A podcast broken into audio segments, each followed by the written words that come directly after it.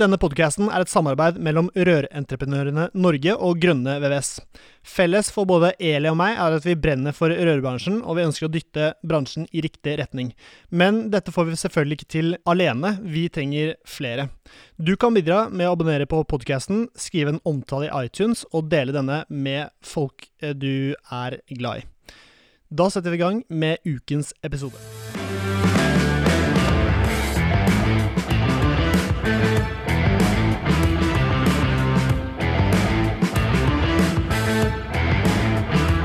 Hjertelig velkommen til ny episode av Bare Rør med Eli Hermine Heidal Eide fra Rør-Norge og Severin fra Grønne VS. Uh, I dag skal vi snakke våtrom. Og uh, med oss på PC har vi Bjørn Grimsrud fra, fra Fagrådet for, uh, for våtrom. Sitter du bra, Bjørn? Ja takk, det går bra. Ja, Nydelig. Og hvor sitter du, sitter du henne? Jeg sitter hjemme. Ja, Hvor er hjemme? Hjemme er i Lier. Ok, På våtrommet, eller? Nei da, for anledningen så sitter jeg i stua. Ja, ok. Nydelig. Eh, noe nytt siden sist, eh, Eli? Skjer det noe spennende i Rør-Norge for tiden? Det skjer noe spennende hele tida hos oss. Eh, vi har nylig hatt samling for alle disse avdelingslederne våre fra hele landet. Det er alltid veldig gøy og veldig lærerikt. Um, hva lærte du av? Ja, hva jeg lærte? Det er vel egentlig Det var så mye? Så. Ja, det var så mye! Nei, det handler om samspill. Det er også det vi skal snakke om litt når det gjelder våtrom, tror jeg. Altså mm. Det der med å spille sammen og snakke sammen og bli bedre sammen. Det er det vi jobber masse med i Rør-Norge om dagen. Hvordan vi kan uh, bidra til å løfte rødbransjen. Lite grann for hver dag. Ja, og Bjørn, du har noen uh, uh, Du har noen Kan ikke du fortelle, før vi går inn på det jeg tenkte å si nå, kan ikke du fortelle om hvordan du havnet der du sitter i dag for, i fagrådet for våtrom? Eh, jo, kan godt gjøre det. Eh, Starta rørleggerutdanningen min jeg, på starten av 70-tallet. Og så fullførte jeg som VVS-ingeniør på slutten av 70-tallet. Og så bestemte jeg meg for det at uh, dette faget her skal jeg liksom prøve å bli litt god på. da. Så uh, jeg starta på teknisk avdeling hos en grossist. Med prosjektering og anbudsberegning og sånt. Og så dreiv jeg et eget ingeniørfirma i uh, en del år. Og så jobba jeg som eh, anleggsleder for en større rørleggerbedrift noen år. Og så har jeg jobba for eh, Ja, det var den gang rørentreprenørene het NRL, da. da. Det var vel fra 2003 til 2011 så jobbet jeg på avdeling Oslo og omegn. Da var jeg egentlig litt lei av alt sånn som lukta teori, så da hadde jeg lyst til å komme meg ut i praksis igjen. Så da tok jeg ett år ute som eh, prosjektleder i noe som het eh, Ansnes Holtemann, VVS. Eh, og derifra så bar veien inn til fagrådet for våtrom, så der har jeg vært de siste ni årene. Hvis du kunne gjort noe annerledes med den veien du gikk fra 70-tallet og til nå, er det noe du skulle ønske du hadde gjort mer av, og noe du kanskje ville ha gjort mindre av? Kort og greit nei. nei. Det er ikke de tinga du gjør du angrer på, vet du, Severin. Det er alle de tinga du ikke gjør du angrer på. Det kommer du til å skjønne når du blir en voksen mann. Du, er, du tenker så yolo, du. Ja, skikkelig yolo. Ja. Men, um, men, Bjørn, kjepphester. Eller var så vidt innom det. Um, samarbeid. Um, Samarbeid når man lager eh, bad og planlegging, det, det, brenner du litt for. Eh, hva er det som er så viktig når man, eh, når man setter i gang med et, eh, et vådrum? Hva er det, hva det rørleggerne burde bli bedre på? Ja, så rørleggeren som sagt har en ca. 75% av våtromsmarkedet. Og det er enorme verdier man forvalter. Og den veien, når rørleggeren først får disse prosjektene, så, så har de jo gjerne liksom det, det, samlede prosjektansvaret også. Og Det vi merker, som jeg mener rørleggeren kan bli bedre på, det er som du er inne på, dette med å planlegge. Altså det å gidde å prosjektere litt først.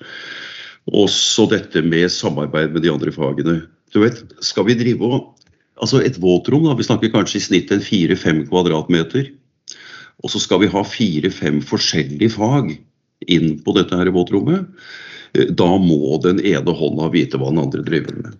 Og eh, Du kan, se, vi kan, få litt å tenke over der. da. Altså, for å si det sånn, Når, når rørleggeren har eh, plassert sluket på badet, da, da, har han også bestemt høyden på parketten ute i gangen. Mm. Mm. Så plasseringen av sluket i forhold, altså det å samarbeide da med tømreren eller med mureren når det gjelder riktig plassering i forhold til fallforhold og høydeforskjeller og alt dette her, mm. det er jo kjempeviktig hvis man skal lykkes første gangen. Og det gjelder jo litt samarbeid med membranleggeren også, sånn at man er trygg på at man leverer sluk med riktig innfesting da, til den typen membran som, som, skal brukes. Eh, og dette er sånne typiske gjengangere altså, som, som vi ser. Mm. Og jeg husker fra den tida jeg jobbet i NRL, så hadde vi Eller jeg hadde hengende en sånn liten plakat på, på veggen eh, som det sto NRL på. Og, og, det gikk sånn veldig konkret, kort og greit på hvordan eh, man skulle håndtere sånt. For det var ikke så vanskelig, nemlig. Det gikk på tre punkter. Det ene er at skriv det du skal gjøre, og så gjør du det du har skrevet, og så kontrollerer du det du har gjort. da har du gjort alt riktig, både i forhold til lovverk og fag og alt det som følger. Mm. Men det er jo én ting er lovverk, for at TEK10 regulerer jo hvordan vi bygger våtrom, ikke sant Bjørn? Nå har vi TEK17. Unnskyld, TEK17. Jeg vet ikke hvorfor jeg tenkte TEK10, men det er samme. TEK17 regulerer hvordan vi bygger våtrom. Det kommer noen endringer faktisk, fra TEK10 til TEK17 også. Hvis du kan du, for Nå er det sånt fagråd for våtrom, har jo én mission, og det er å bygge verdens beste baderom. Og da kan det hende, selv om Tekken på en måte setter noen krav, så kan det hende at dere har valgt å stramme inn litt for liksom, fordi at dere mener at det bør gjøres enda bedre på noen områder. Er, hva er forskjellen på TEK17 og våtromsnormen? Eh, ja, godt spørsmål. Eh, vi ser egentlig ikke den store forskjellen. Eh, vi har en par blader i våtromsnormen som forteller rett ut om sammenhengen da, med, med tech og våtromsnormen. Mm. Eh, og der er alle de aktuelle kravene i tech som kan slå inn på et våtrom, de er ramset opp. Hvem er det? Og så, eh, Hvilke krav tenker du på? Ja, Kan du si hvem krav det er? Eh, ja, det er jo de kravene vi har til våtrom spesifikt når det gjelder fall da, i forhold til bruksvann. Og så har vi jo krav til hvordan vi skal håndtere lekkasjevann. Og så har vi krav til hvordan membraner skal være, og hvordan rørgjennomføringer skal være.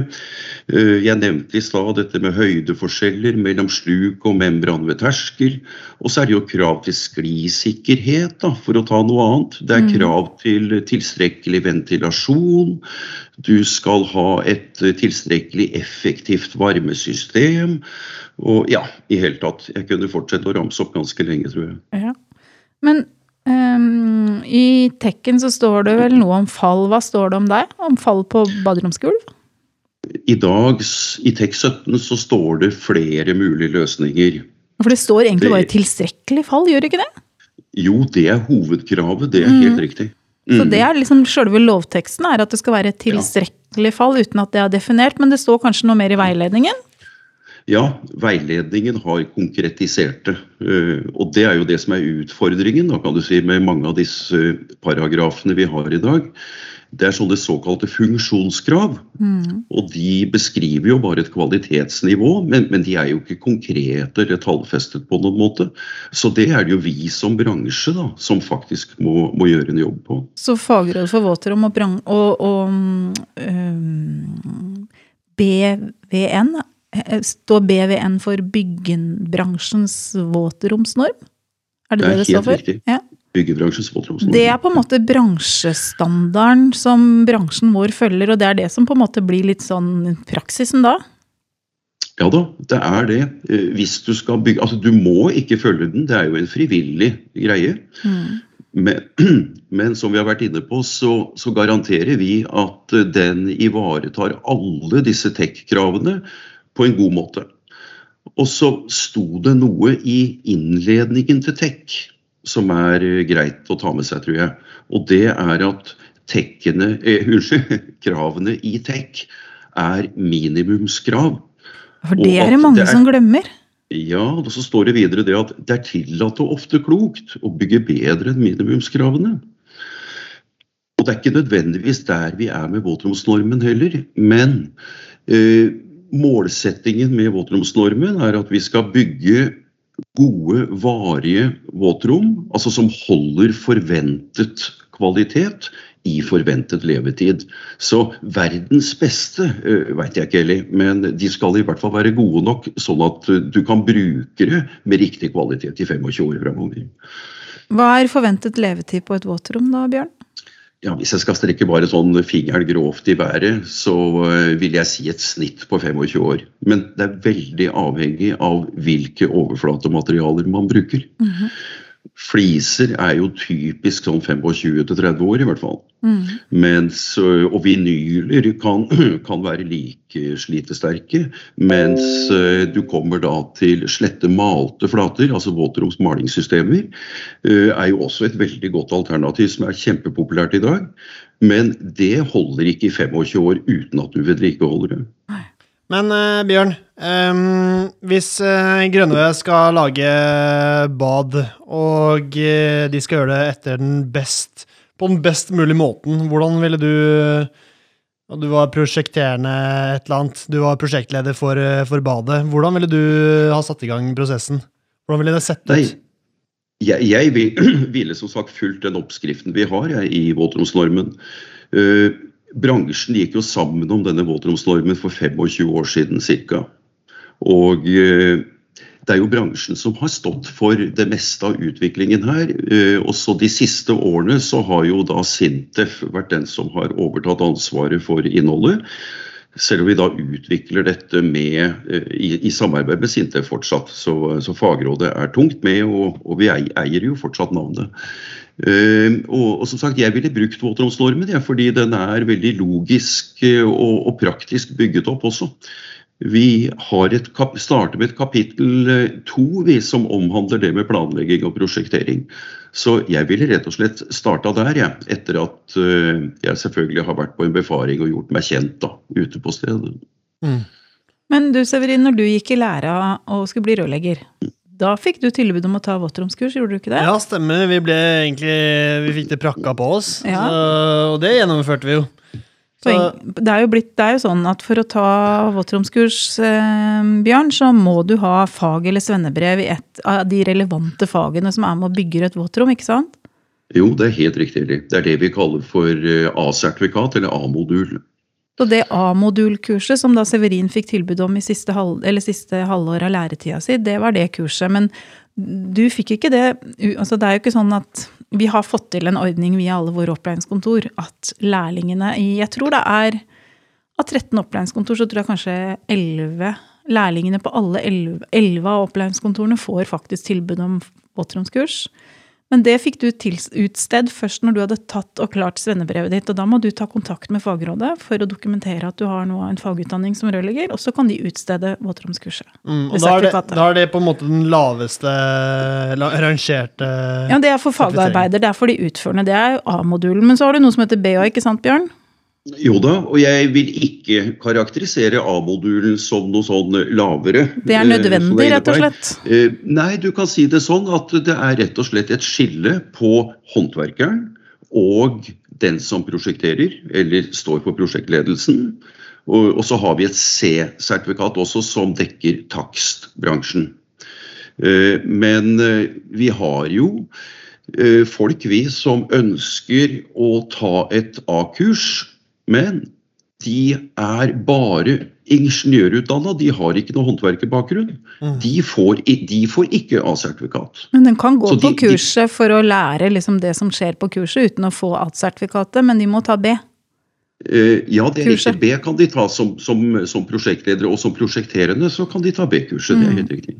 Men de får som sagt ikke ta A-kurset. Og jeg nevner det bare sånn at alle dere gode rørleggere som sitter med A-kurset, eh, ikke skal føle at altså, det henger ikke noe lavere det enn B-kurset. De står liksom eh, ved siden av hverandre, de, alle, alle, disse tre her, med, med hver sitt verdigrunnlag. Og hvis du skal være en våtromsertifisert rørleggerbedrift, så bør vel de ansatte som jobber med våtrom også ha tatt det kurset? sånn at det er jo på en måte en litt sånn i forhold til troverdighet, da en dyd av nødvendighet, tenker jeg.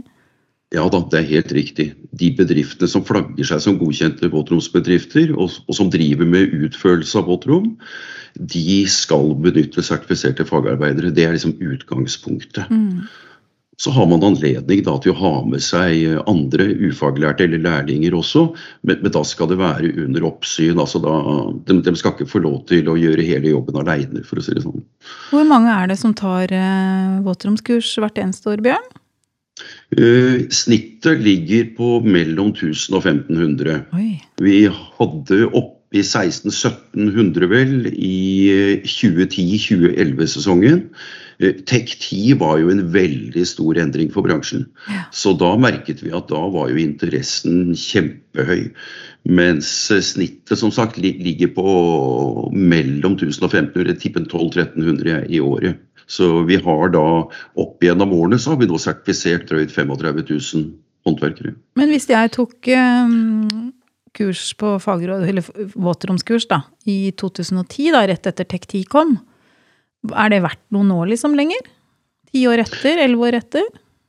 Eh, man må fornye det hvert femte år hvis man har et A-sertifikat. Betyr det at eh, jeg må sende en mail til dere, og så får jeg det, eller må jeg gå på et kurs?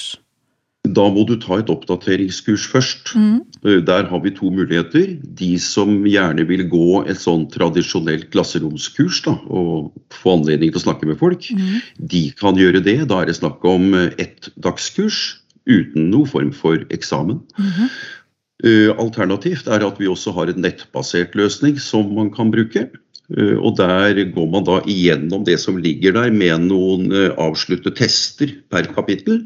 Og Når man har vært igjennom det, så får man kvittert for at man har fullført. Og så sørger vi for å automatisk tilsende gutta da, eller jentene et uh, nytt oppdatert sertifikat. Gyldig for nye fem år. Mm. Hm. Hvordan er det for, for kundene? Hvilke Um, altså Bryr kundene seg i det hele tatt om, om, eh, om, sertifikatet? Er det mange som eh, altså får rørlegge spørsmål om de faktisk har sertifisering eller ikke? De fleste kunder bryr seg veldig. Eh, det er nesten rart hvor stor etterspørsel det har blitt blant kunder når det kommer til håndverkere som har dokumentert kompetanse på våtromsbygging. Eh, det er kanskje ikke så rart når vi tar en titt eh, i media da, og ser eh, alle disse her skrekksakene som dukker opp, og vi vet at det er mer rettssaker enn noen gang pga. at det gjøres mye feil. Og det er det dyreste rommet i huset, så de fleste kunder i dag ønsker faktisk å, å, å sikre seg med håndverkere som har dokumentert kompetanse. Mm. Helt klart. Og vi merker det veldig godt også på denne her ordningen som heter godkjent våtromsbedrift. Der har vi hatt en veldig jevn tilstrømning de siste årene. Hvordan, funker, og, eh, hvordan funker denne, Bjørn? Du, det er eh, de som Altså de bedriftene som skal bli det, eller søke om det, de må da ha en faglig leder, en prosjektleder med et B-sertifikat. Mm. Og så skal de jo da for fordi håndverkere de bruker da i våtromsprosjektene, ha, ha håndverkere med et A-sertifikat. Eh, og det er i praksis eh, det som trengs av kompetansebygging. Og så er det bare en formell søknad til eh, fagrådet. Og så blir man da normalt Så får man da hva skal vi si, denne, dette stempelet, da, godkjent våtromsbedrift. Og da står det på ei liste hos dere, liksom? da? Du kan si Markedsføringen av det er nok det bedriftene opplever som veldig veldig verdifullt. Eh, vi har en del misbruk av ordningen også, men det, dem hugger vi hua med en gang via advokater. Så det viser egentlig bare hvor populær ordningen er blitt. Men eh, vi må sørge for å holde en, en, en viss kvalitet på, på, dette her, sånn at uh, kundene ikke mister tilliten til det, selvfølgelig. Ja, for dere opplever det, at bedrifter markedsfører seg som godkjent våtromsbedrift uten å ha lov, akkurat som vi i Rør-Norge opplever at folk markedsfører seg som medlem i Rør-Norge uten å være det. Ja, Seiler under falsk flagg. Ja, Vi får masse tips om det, så vi tar tak i sånne tips, vi i hvert fall. Og det gjør sikkert dere òg. Ja, det gjør vi. Og er det noen som har noen tips, så gi oss. Så bare kom med de, sånn at vi opprettholder et uh, ryddig og, og, godt marked i dette. Mm. Mm. Nei, da, vi har som sagt flere vi som har ringt oss og fortalt at de, de bare lurer på hva som kreves da for å bli en godkjent våtromsbedrift. Som forteller oss rett ut at eh, hvis ikke så opplever de at de ikke får jobben. Mm. Så så tungt henger dette med å kunne dokumentere spisskompetanse på våtrom i dag. altså. Nå er det ikke bare våtromsnormen som gjelder i denne veien, selvfølgelig, men eh, jeg skal i hvert fall prate varmt for den i dag. Har du noen kjepphester, Bjørn? Er det noen ting du tenker at eh, rørleggere og ledere av rørleggerbedrifter der ute burde få med seg når det gjelder våtrom, som du er litt sånn irr på at de ikke skjønner? Eller som du får mye plunder med? Spørsmål om? Eh, nei, Det var disse to tingene jeg nevnte som sagt innledningsvis. da. Dette med at man tar seg tid til å planlegge tilstrekkelig. Eh, man tjener veldig på det eh, som bedrift også, fordi da er vi liksom i stand til å gjøre riktig jobb første gangen. Og det har vært litt sånn mitt mantra opp gjennom mange år, at det er det eneste som er god butikk. Så, så er det jo akkurat det. Mm. Og som jeg nevnte også dette samarbeid med andre. Det, det, det, er helt nødvendig skal du lykkes i et sånt våtromsprosjekt. Altså. Mm. Ja, for jeg, jeg, har begynt å ta en god del bad, og Eh, det samarbeidet er superviktig. altså Jeg kan snakke med dem eh, tre-fire ganger i løpet av en eh, Eller altså egentlig mange flere ganger også i løpet av en dag, og da snakker jeg om murerne og eh, murer, fliselegger, snekker og elektriker. Og det er så mye planlegging, og jo dårligere forarbeid, jo enda mer snakking blir det, og da kan det fort bli litt rot. Så planlegging først, superviktig, og det å ha en god kommunikasjon gjennom hele prosessen er jo ja, veldig viktig. Og det at du, du, faktisk er ordentlig glad i de gutta du, du, jobber med, hjelper jo veldig på også, for da, da er du med å hjelpe hverandre. Når de ser at det er et eller annet som mangler, og du ser at det er et eller annet som mangler hos dem, så ringer du dem. Eh, sender en snap eller bare si ifra at det her må vi, det her må vi fikse, liksom. Og så eh, og så blir det mye bedre, bedre stemning. Så samarbeidet der er super, superviktig. Altså. Mm, helt klart. Og mesteparten av samarbeidet fanger du faktisk i den planlegginga du gjør i forkant. Mm.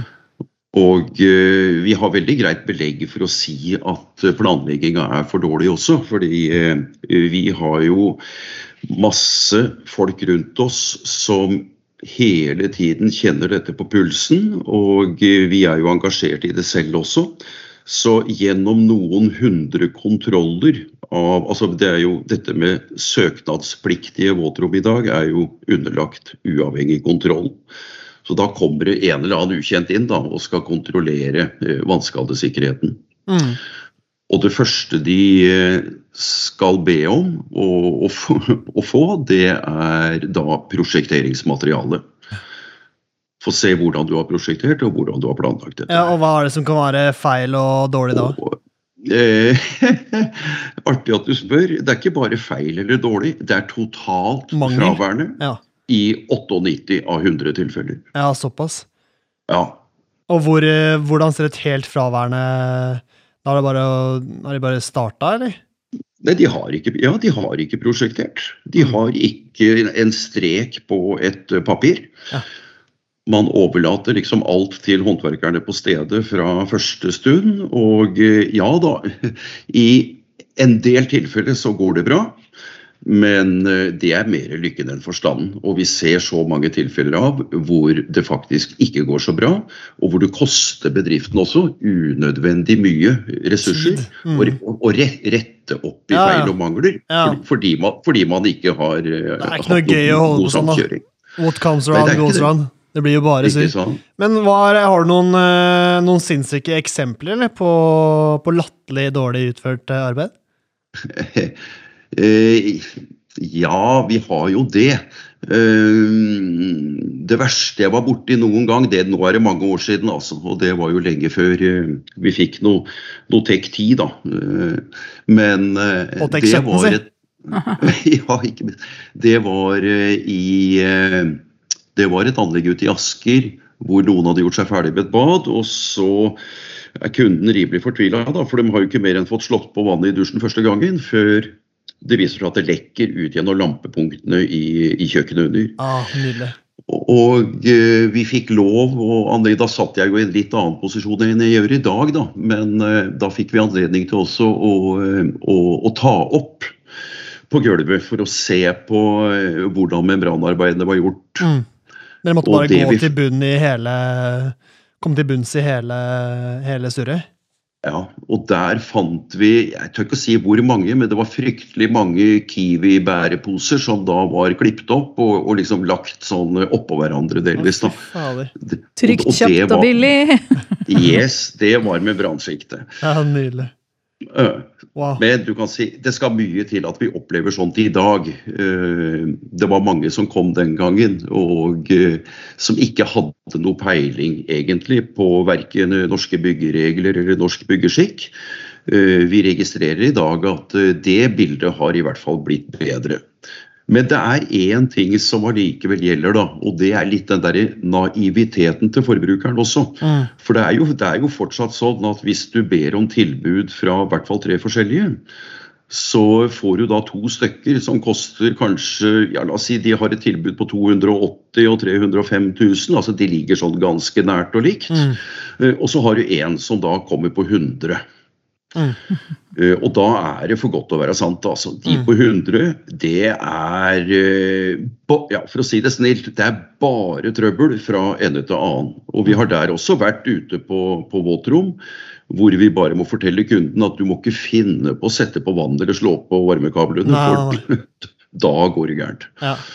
Mm. Ja, det er helt Det er helt det er også, altså Jeg blir utkonkurrert uh, flere ganger av uh, helt håpløse aktører, og så spør jeg ofte. eh, jeg spør gjerne, gjerne kunden eh, hvorfor vi ble utkonkurrert, hva som var grunnlaget til eh, um, ja, hvorfor vi ble utspilt, rett og slett. Og da er det Det skjer ofte, altså, at det er eh, noen helt spinnville priser som er, er grunnlaget for, for at vi mistet jobben. Veldig billig arbeidskraft. Og eh, da må jeg bruke litt tid med kunden og forklare at det her kommer aldri i verden til å gå, gå veien. Um, Hvis det høres Ja. ut som det er for godt å, ut- nå, hvis det høres ut som det er for godt å være sant, da er det som regel også for godt å være sant. mm. Ja, det, det, det gjelder her som andre steder, det. Helt klart. Ja, men Så, men, men som sagt, det er jo mest naiviteten til forbrukeren, da. Men allikevel uh, så tror jeg at det vil ha stor betydning også ja, for hvordan den enkelte rørleggerbedrift eh, selger seg inn hos kunden. Mm. Uh, For det er mange måter man kan gjøre det på. Og hvis man er virkelig god på det man driver med, så får man tillit. Fordi man framstår med, med god trygghet og kan gi kunden mange gode eh, forklaringer og ikke sant, argumenter også eh, for de valgene og de løsningene man presenterer. Så eh, eh, tar man seg tid til å virkelig bli god og liksom sånn sett eh, sette kunden i fokus, så tror jeg rørleggerbedriftene har en gyllen framtid i båtlomsmarkedet. Ja. Ikke bare tror, det er helt sikkert. Ja. Nei, men Det var en uh, veldig god avslutning, uh, Bjørn. Et godt uh, tips på slutten der. Er, har du noe annet du vil, vil legge på, på tampen? Bjørn har jo alltid masse på hjertet, da, så jeg er veldig spent hvis han ikke kommer på noe. ass. Eh, Ja, nei, jeg vet ikke. Jeg syns egentlig vi har fått berørt sånn sett det aller meste. Eh, Det kan jo være lønt verdt å bare nevne da at eh, Ja, skal jeg ta med én sånn kjepphest til, da? Eh, det blir Har litt du mye noe, så sånn er det bare å mate på Nei, Det blir litt mye pekefingeren, syns jeg. Men, men ja, jeg tenker ment, også på den, altså den derre produktutviklingen som vi ser. Eh, Den er ganske kjapp, altså. Eh, Og jeg tok opp dette med noen rør i rør-leverandører en gang. Og da sa jeg det slik at eh, gutter, dere må gidde å lese monteringsanvisninga. Mm. Det er kjepphest Mm. nummer tre. Mm. Og da eh, For når dere har lest den én gang, så, så veit dere jo hva som står der, sa jeg nå. Mm. Ja, Det var, litt naiv, det var litt naivt sagt av meg, fordi da ble jeg fort arrestert av to rør-i-rør-produsenter som fortalte meg det at nei da, du skal lese den hver gang, fordi at vi utvikler hele tida produktene våre, vi. Så neste gang du handler, eh, så er det godt mulig at noe har forandra seg som gjør at eh, du må klare å fange opp det for å få gjort det riktig. mm, nettopp. Dette har vi snakka om før, Ja, dette har vi snakket om tidligere. Husker du Geir Jansen var her, og Ja, Martin? ja, ja. Men ellers må jeg avslutningsvis få lov til å skryte litt av bransjen òg, da. Det er fantastisk mye flinke folk der ute, altså. Jeg må virkelig si det. Og Ja, jeg, ser fortsatt, jeg ser fortsatt masse flott arbeid. Ja, folk som brenner skikkelig for det de driver med. Det er helt eh, gull å ja, kjenne på. Ikke sant? Folk som går inner liksom, for å bli virkelig gode i faget, det er den typen rørleggeren vi trenger i, for, i framtida. Altså. Ja. Mm. Mm. Gode rollemodeller også. Ja, absolutt. Supert. Nei, men Da tenker jeg vi avrunder deg. Tusen takk for at du stilte opp, uh, Bjørn. På, ikke på, på våtrommet, men fra PC-en hjemme et eller annet annet sted. Eh, Bare hyggelig. Ja, Takk for at du kom igjen, eh, Eli. Alltid en eh, glede å sitte her og prate.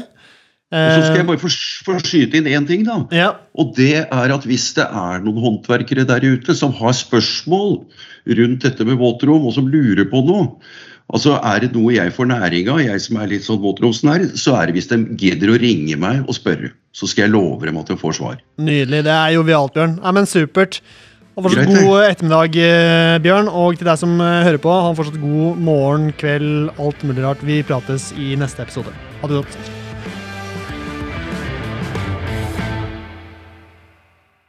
Halla, hvis du likte denne podcasten, hadde vi satt utrolig stor pris på om du abonnerte og gir oss en tilbakemelding i avspilleren. Eh, spre gjerne ordet videre til andre i rørbransjen som brenner for rørleggerfaget og er opptatt av å drive en seriøs rørleggerbedrift. Mitt navn er Severin Poppe Midteide, og med meg har jeg co-host Eli Hermine Heidal Eide. Sammen er vi to podkasten Bare Rør med Eli og Poppe. Et samarbeid mellom Grønne VVS og Rørentreprenørene Norge.